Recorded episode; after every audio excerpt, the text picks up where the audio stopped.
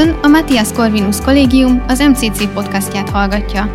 Tudjon meg rólunk többet az mcc.hu honlapunkon, Facebook, Instagram és Twitter csatornáinkon, valamint olvassa professzoraink, külső szerzőink és diákjaink írásait korvinák.hu tudásbázisunkon. Sok szeretettel köszöntöm akkor itt a legújabb MCC podcast epizódjában Boris Kálnokit. Köszönjük szépen, hogy eljöttél. Jó napot kívánok, köszönöm a lehetőséget. Aki egyben az MCC média iskolájának is a vezetője, és az elmúlt évtizedekben elsősorban a Diveltnek, de több német nyelvű orgánumnak is volt a, a tudósítója Budapestről, és hát nagyon sok mindent látott, hallott, tapasztalt, többek között erről is beszélgetnénk az elkövetkező rendelkezésre álló időben. De előzetesen egy kicsit erről beszélgettünk is, ez nem titok, hogy én szeretném, hogyha nem maradnánk meg csak legalábbis a, az általános reflexionál a német eseményekre, német nyelvű világra, magyar-német kapcsolatokra, mert erre sok fórum van. Itt van a Korvinák blogunk, ott van egy, egy saját blogod, a BBB, e, és rengeteg egyéb platform, hogy ezeket átbeszéljük, vagy éppen ha szeretnéd megírd, hanem egy kicsit rólad meg, a, meg az elmúlt évtizedekről beszéljünk, hiszen arról szerintem kevesebb írás is lát napvilágot, de, de legalább annyira izgalmas. Úgyhogy talán kezdjük is innen e, a családtól, ha jól tudom, te nem születésedkor tanultál meg magyarul, hanem ez egy későbbi projekt volt. Hogyan alakult ez meg? Hogy született meg egyáltalán a döntés? Hát átköltöztem Magyarországra, igazából azért, mert uh, addig uh, kizárólag Erdélybe uh, utaztam, és az uh, ottani székelyek, ottani erdélyi uh, magyarok uh, annyira tetszettek nekem, nagyon, nagyon karakteres világ volt, mindenki olyan kedves és műveltnek tűnt, tűnt még, a, még a falvakban is a parasztok. Velük is lehetett világirodalomról beszélgetni, meg történelemről. És gondoltam, hát megyek én Magyar, Magyarországra, ha magyarok biztos pont olyanok, mint az erdélyek, aztán az mégsem úgy volt. Ez hányban volt egyébként, amikor először elkezdtél? 93 vége felé költöztem Magyarországra, úgyhogy felmondtam a biztos állásomat a Diveltnél, ahol felívelő pályában levő szerkesztő voltam, és um, helyette ide jöttem három gyerekkel, pénz nélkül, állás nélkül. És ez, tehát előtte ezt úgy kell elképzelni, hogy Németországban nőttél fel, ugye? Többek nem. között. Ja, többek, igen, többek igen. Között, hát, meg igen. ugye Párizsban, hát meg erről kisebb, is azért mondj A kisebb része volt, szerintem a, a döntő, a formáló rész az ifjúságomnak az Franciaországban történt, ahol nyolc évet tölt, töltöttem gyerekkoromban, érettségiig. Uh-huh. Ott érettségiztem le Párizsban, El, előtte Dél-Franciaországban laktunk, előtte még Hollandiában, úgyhogy ez így magában tíz év, 8 éves koromban, 90 éves korom, koromban mentem ki Németországból. De előtte is Amerikában voltunk, szóval szerintem a formáló évek inkább nem Németországban történtek. De mégiscsak a, a vezetékneved, azt gondolom, egyrészt azért mutatott valamit, és a családnak volt valamiféle magyar identitással, vagy nem tudom, ez egyáltalán Franciaországban, vagy bárhol, az, hol aztán voltatok együtt még családként fiatalon, ez hogyan jelent meg? Beszéltetek hát egyáltalán? Hát édes, édesapám azért mesélt egy kicsit, de az az igazság, hogy, hogy talán ő sem tudott olyan részletesen mindenről, mert ő is kisgyerekként elhagyta az országot. Mikor született, nem is tudom, 36-ban azt hiszem és uh, három évesen kirúgták a családot Erdélyből, aztán uh, jött a háború, ugye, és uh, ilyen, hát nagyjából ilyen kilenc évesen uh, menekültek Magyarországról a gyerekek. A, az ő apja még maradt két évig. És Franciaország után hova kerültél? Itt még mindig úgy tart, tehát úgy nősz fel Franciaországban, hogy nem beszélsz magyarul.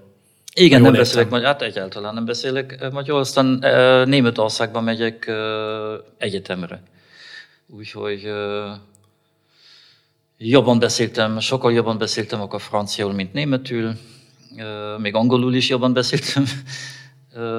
Úgyhogy volt egy kis beilleszkedési fázis, ahol, ahol nem nagyon értettem azt a társadalmat egyáltalán.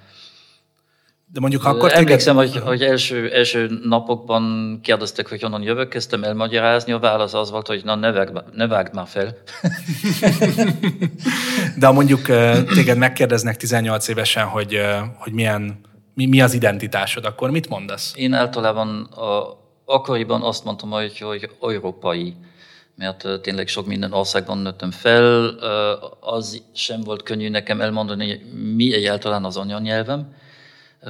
Azt is tudtam, hogy Magyarországból származik a család, bővebb értelemben, ha beleértünk Erdélyt ebbe, és úgyhogy hát mi is legyek. Tehát, Édesanyám milyen nyelvű Azzal, volt? hogy mondtam, hogy európai, már egy, egy pontot tettem, mert az útlevelem akkor még amerikai volt.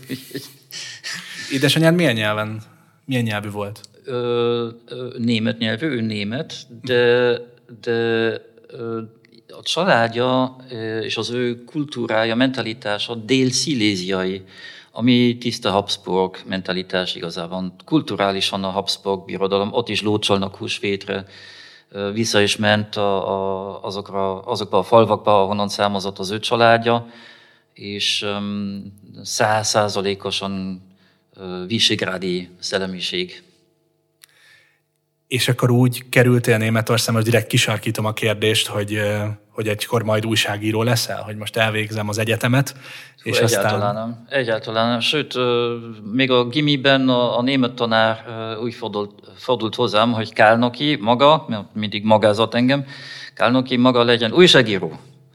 Nagyon jól kezdenek a dolgozatai, de túl hamar vége lesz. Ezt nem bóknak szánta.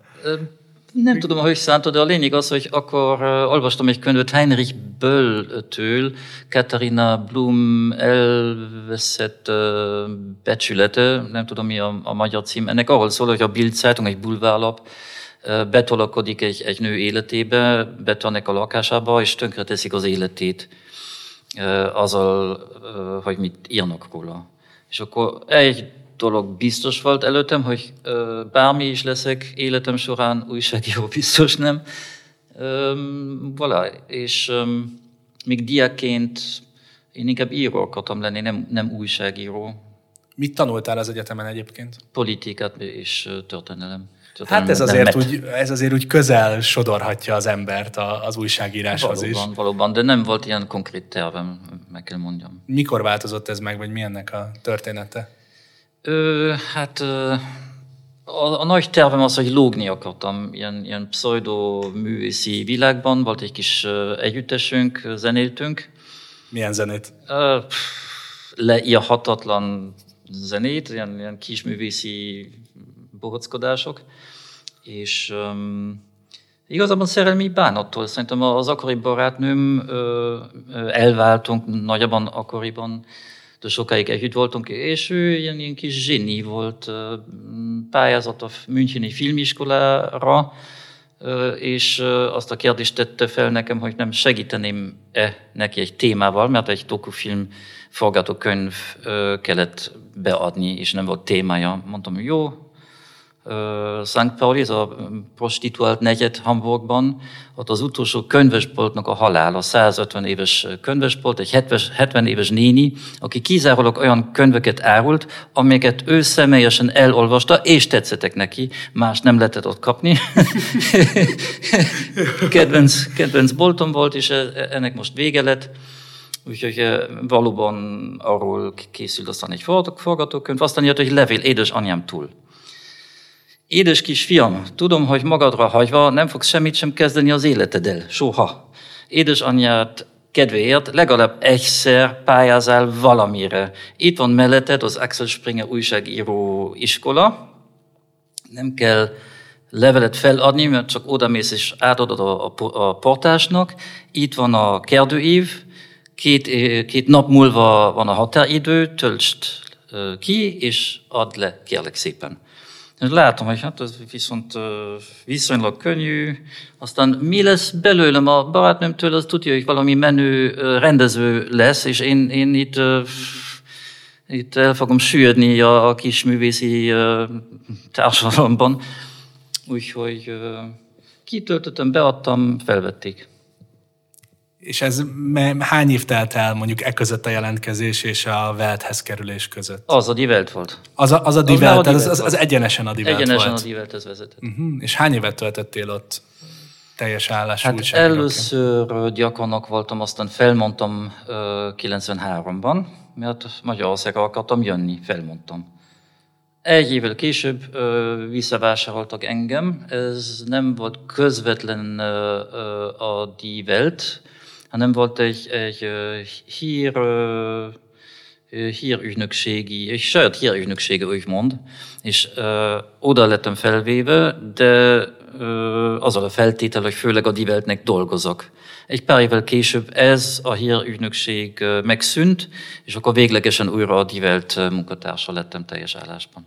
És akkor már itt Budapesten, mint, mint úgymond tudósító? Ö, akkor már itt voltam Budapesten, igen. Ö, már nem sokáig, szerintem, már, mikor volt ez 2002 vagy 2003-ban történt az a, az a változás, hogy akkor Diveltnek dolgozok, de két évvel később Isztambulba küldték közök-kelet tudósítóként. És a... Kilenc évet töltöttem. És 93-ban Budapestre érkezéseddel családostól megérkezel Budapestre, és beiratkozol a Balassi Intézetben nyelvet tanulni, vagy ezt hogy kell elképzelni? Tettem egy kísérletet arra, hogy, hogy menjek tanfolyamra. Már nem tudom, mi volt a neve, ez egy magániskola volt, és a, a modellje az volt, hogy, hogy nem szabad egyetlen szót sem használni idegen nyelven, szóval total immersion, kizárólag magyarul beszélünk, és így boldogolunk valahogy. De én csak egy pár órát tudtam ott megcsinálni, mert állandóan dolgom volt, és egyszerűen nem értem rá. Úgyhogy én informálisan tanultam ezt a nyelvet, és nem, nem valami iskola keretében. Komoly eredményekkel, ahogy most itt beszélgetünk. Hát még mindig szégyellem magam, hogy, hogy ilyen, ilyen súlyos, tojtónikus akcentussal beszélek, és a szavakat sokszor félreértem. Most, hogy őrült, vagy őrült, sosem értem. Hát ezek talán megbocsátható apróságok azért mégis.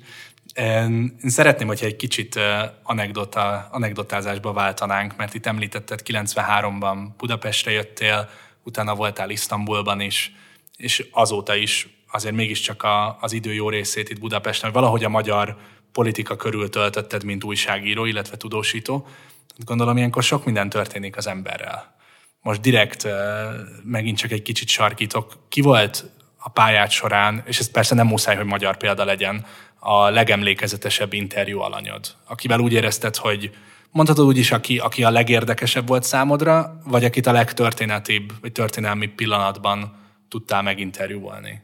Hát kérlek, fogad el tőlem, hogy ezt most nem propaganda célból mondom, de tényleg lenyűgöző De az volt. MCC podcast most. lenyűgöző volt Orbán Viktorral beszélni. Ahányszor találkoztunk vele, egyszerűen imponált nekem a, a ütő, ütőképes válaszaival, nem lehetett őt valahogy rossz lábon elkapni, mindig uh, szuverén módon uh, tudott válaszolni mindenre, önállóan érvelt, nem, nem hatott úgy rám soha, mint ha valami tanult szöveget adna elő, hogy valami kommunikációs szakértő van a háttérben, aki azt mondja neki, hogy most így, meg úgy. Én úgy éltem meg őt, mint személyiség, mint ha ő lenne a, a rendszerváltás utolsó um, autodidakta. Ugye volt sok mindenki akkoriban, aki belesodrozott a, a politikába, bár nem volt politikus. Václav Havel, uh, Antal József. Uh, Antal József, uh, Selev, aki Bulgáriában lett elnök, de igazából filozófus. És igazából Orbán is egy, egy olyan karakter, hogy ő, ő csinálta saját magát, ugye a, a pályafutását, a sorsát, és saját fejjel gondolkozik, és ez érződik az interjúkban. Szóval ő volt az, aki, aki talán a legerősebben imponált nekem. Ö, aztán vannak, vannak előnyös és nem olyan előnyös interjúhelyzetek, de nem menjünk most a részletekbe. Volt olyan pillanat egyébként akár Orbánnal vagy más politikussal, amikor annak az interjúnak az ideje volt meghatározó? Hogy akár egy politikai siker, vagy bukás, vagy egy olyan történelmi helyzet fényében tudtál valakihez újságíróként közel kerülni, ami neked különösen emlékezetes volt? Hát, hát sok olyan volt igazából, de nem biztos, hogy a, magyar viszonylatban értető lesz, amit mondok. Szóval Törökországban például egyetlen nyugati újságíróként sikerült interjút készíteni a politikai izlámnak a, a kitalálójával, ott Törökországban legalább Necmettin Erbakánnal. Ő Erdoánnak a, a szellemi, hogy mondjam, mentora volt. Ő találta ki azt, hogy az, az izlám közösség az, az kerüljön hatalomra az országban, és, és stratégiát vázolt fel, és ez bejött a végén. Nagyon-nagyon érdekes interjú volt ez, és két hónappal rá meg, meg is halt. Szóval ez egy, egy az egyik történelmi utolsó. dokumentum, ez, a, ez az interjú. Um,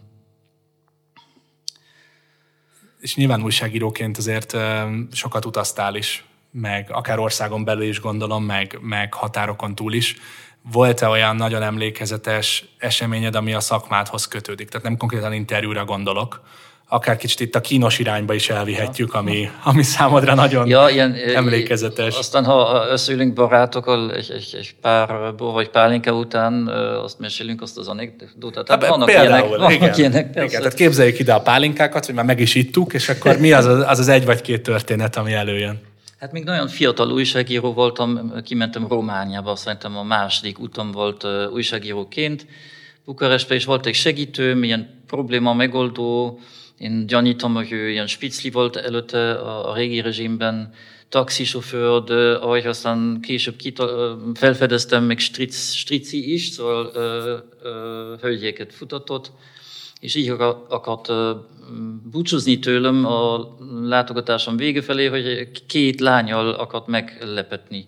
Meglepetni, vagy Hát ez sikerült meglepni, nem? Tehát azt, azt mindenképpen... Ezt valahogy elegánsan sikerült visszautasítanom, de egy valami furcsa panel lakásban történt, ahol ő lakott, ugye az asszonyjal, és botrány lett belőle, mert az asszony csodálkozott, hogy kik ezek a lányok, ki lettek rúgva a végén, az ember is elment, és én ott éjszakáztam egy bolhákkal, szunyogokkal tele hálószobában, reggel felkelek, az asszony kalapáccsal szétveri kávészemeket, mert kávét szeretne nekem adni. Kávédarál, kávédarált. Kávédaráló. Szóval valahogy a fejemben van ilyen, ilyen zavaró gondolat, hogy nem volt valami ma reggel, nem kell valahova mennem. Aztán leesett, hogy a ellenzék vezető politikusával van interjúm tízre. Épp, hogy oda sikerült sietnem taxival, Rádu Campeanu volt a neve, elegáns, 70 éves úriember, és bejött a, az előszobába, ahol a titkárnő volt, ugye körülnézett, ott ültem, de koszosan szétszúrva a szonyogoktól, büdösen, és a titkárnőtől kérdezi, nem egy velt újságíró? Akart ide jönni tízre? Ez valaki, mint a helyére bekéreckedett Aztán volna. bementünk a szobájába, első kérdésem az volt, hogy elnézést, uram, de nem lenne egy ceruza, meg egy darab papír, mert fel szeretném írni a válaszait. Semmi sem volt nálam. De jó lett az interjú, és örült neki a végén. Igen. Most akkor talán azért ne spóroljuk meg, hogy, hogy kicsit a szakmai oldalról is beszélgessünk. Én konkrétan egy valamire szeretném ezt kihegyezni, egy, egy írásodra a korvinákhu ami nemrég jelent meg. Ezt nem is igazán tudtuk lefordítani magyarra, ez angolul, németül meg magyarul is megjelent. Uh, nanny journalism, ezt a fogalmat vagy, vagy kifejezést használtad. Még mindig nehéz nekem ezt egy picit ilyen dadáskodó, újságírás, valami, valami ilyesmire próbáltuk lefordítani, de, de itt írsz olyan típusú tapasztalataidról, hogy hogyan próbálják egyrészt a, a nyugati újságírói világban a te tapasztalataid szerint az újságírókat kicsit öncenzúra felé is vinni bizonyos témákban, meg, meg hogyan formálnak úgy írásokat, hogy az, hogy ez bizonyos agendák szerint előnyös legyen. Most ilyen nagyon meta módon megfogalmazva. Ez, ez, ez hát mennyire a, gyakori nem, nem, jelenség? Nem tudom, hogy, hogy mennyire van szándék mögött, de van egy bizonyos kultúra, baloldali, liberális, angol száz világban is, is létezik ez, hogy, hogy az olvasót azért ne, ne csak informáljunk, ne, igazában nem bíznak az olvasóba, hanem, hanem fontos, hogy, hogy ő helyes magyarázatok alapján tudja véleményt formálni. Igazából ez már egy ilyen, ilyen, ilyen előformálás, tehát mi már adunk neki félig a véleményt, aztán majd vegye át. Nagyjában hogy egy pedagógikus hozzáállás az újságíráshoz, ahol nem csak a, a, az egyszerű információt adunk át, hanem ilyen kontextusban ö, ö, írunk ezt fel, hogy már egy, egy ilyen irány van, egy, egy, egy vonal, hogy ez most mit jelent. Ennek egy, egy hosszú hagyománya van igazából a német újságírásban legalább. Az úgynevezett korrespondentenbericht, a tudósítás annyira nem is létezik, vagy létezett az angol száz kultúrában, ahol nem csak a tények vannak, hanem maga a tudósító egy kontextusba teszi a, a tényeket. Ez most erősödött eléggé az elmúlt években, és szerintem nincs mögötte semmilyen agenda, hanem ez így kifejlődött, és az induló pont talán inkább az újságírók értékrendszerében található. Hogy ki, ki kiből lesz újságíró? Mindenkinek van világnézete, és kivétel, ritka kivétel, hogy a német világban valaki úgy lesz újságíró, mert olyan konzervatív.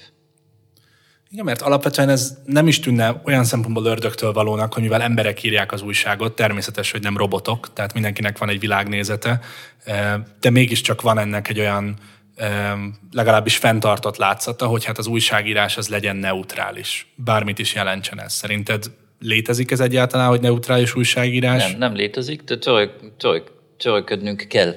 Arra az világos, hogy van véleményem, van mentalitásom, van hozzáállásom mindenhez, és ez befolyásolni fogja a, a hírszövegnek a struktúráját, hogy hogyan struktúrálom, milyen szavakat használom abban a szövegben, ahol közlöm a hírt, a, a sima hírt.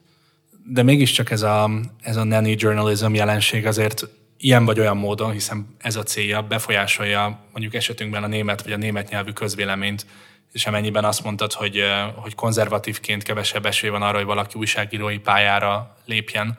Nem akkor... azért, mert kizárnának, hanem azért, mert általában fiatal ember, aki újságírásnak indul, nem azért csinálja, hogy minden maradjon a réginél, nem, nem konzervatív, hanem azért, mert kalandra vágyik, menő akar lenni, mondani valója van, etc. etc. Szóval tudsz olyan példákat mondani esetleg, vagy, vagy jelenség láncolatokat, ahol ez a fajta jelen, ez a fajta, nem is tudom, egyfajta öncenzúrázási metodika, ez, ez rosszul csapódott le a német közvélemény számára? Itt voltak ezek az ikonikus esetek a, a migráció kapcsán, a, ugye általánosságban a demográfiai problémák kapcsán, értékrendi dolgokban, biztos sok mindent ki lehetne emelni, ahol ez konkrétan tetten érhető, ez a teória? Hogy így hát, működnek hát, szerkesztőségek? Egy komoly, komoly reakció következett be a, a kölni újévi események után, a, amikor ugye, több száz nőt zaklatták Kölnben, főleg észak-afrikai migránsok, és a média nagyon későn számolt be róla. És akkor is ilyen, ilyen kínosan, vagy nem nagyon találtak a hangnemet, hogy hogyan kell róla írni. Ilyen négy napos késéssel kezdődött a tudósítás az eseményekről. Ennek az egyik oka igazából a rendőrség, aki nem tájékoztatta a, a sajtót úgy, hogy kellett volna és ennek viszont a, a háttérében volt egy, ha, ha jól emlékszem, egy, egy utasítás a politikából. Tehát a tartományi kormányzat minta, emlékszem, hogy mondták a rendőrségnek, hogy na, azért lassan a testtel nem kell túlzásba vinni a dolgokat. Úgyhogy nehéz, de mindenki felismerte a végén, hogy ez azért hiba volt, és az olvasóktól is nagyon kemény bírálatok, kritikák jöttek, Általában manapság lehet mondani, hogy a migráció kérdésben, abban a kérdésben is, hogy, hogy a sok migráns egy, egy biztonsági kockázatot jelenti-e. Szóval ott azért már egy, egy kicsivel objektívában írnak szerintem a német sajtóban manapság. Ahol, ahol ez nehézebb, ez igazából, amikor jogállamiságról írnak. Ott nincs két álláspont, csak egy. Igen, mert pont erre akartam volna egy kicsit áttérni a, a legfrissebb cikkedre, ami a magyar-német politikai kapcsolatokat veszi gorcső alá, és tulajdonképpen ad egy ilyen overview-t, így magyarosan, vagy egy áttekintést arról, hogy, hogy kik a magyar politikában a kulcs szereplők, milyen hiányosságok vannak német részről, hogyan állnak a magyar-német kapcsolatokhoz. Gondolom azért, azért a média területén is a médiának van egy felelőssége is, meg van egy, egy állásfoglalása is magyar-német kérdésben. Szerintem ez nem titok akár a német média berkekben se, hogy, hogy a, a magyar kormány támogató cikk, amihez természetesen a szabadságuk megvan, de, de, de ilyen cikkek nem jelennek meg, vagy nincsenek ilyen perspektívák. Hát nem kell a magyar kormányt támogatni, ez már jó lenne, ha ilyen árnyaltabb cikk lehetne, ahol, ahol nem csak szídunk, vagy szídnak, szídják a, a magyar politikát. Nem is emlékszem a konkrét esetre, de volt olyan, hogy egy témát ajánlottam, aztán azt mondták, hogy ezt a ez ez vélemény, ezt inkább a vélemény oldalon írhatom, de a vélemény oldalon épp nem lehetett ilyesmit írni, mert Pont úgy miért, miért ez szó, szóba sem kerülhet, miért is támogatom ezt az antidemokráta kormányt. Holott nem mondanám azt, hogy támogatom egy antidemokráta kormányt, hanem próbáltam felhívni a figyelmet arra, hogy nem minden, ami, ami csinál az a kormány rossz. Hát vannak sikerei és olyan, és van egy demokratikus támogatottsága a, a, a szavazók túl. És mert az időnk az, az, az sajnos nagyon szaladt, pedig még annyi mindenre lehetne beszélgetni. Én szeretném, ha az MCC-s médiaiskola ról való beszéddel zárnánk egy kicsit amiben nemrég kezdtél bele tulajdonképpen alapító vezetőként ilyen módon a, a Matthias Corvinus kollégiumban. Mi történt eddig, milyen terveid vannak? Egyáltalán mi a te újságíró ideálod, amit a fiataloknak át szeretnél adni? Hát nagyon klasszikus, semmi különös, nem, nem fogunk újra feltalálni, vagy kitalálni az újságírást, informálni akarunk, legyen több forrás az információnak, legyen ezt neutrálisan átadva, legyen szórakoztató egyébként, és nem túl bonyolult a szöveg. Ugye én a szövegekhez értek, annyira nem a videózáshoz, vagy a audiohoz, de azt is fogunk bevezetni, hogy ezt lehessen tanulni az MCC-nél. Jelenleg én 10-11 diákot örököltem, akik nagy többségük nem is akarnak újságíró lenni, majd változni fog a helyzet szerintem ősztől, amikor már nálam fognak felvételizni, és, és azért ez, ez egy fontos kritérium lesz, hogy van-e ambíciójuk újságíróként dolgozni később.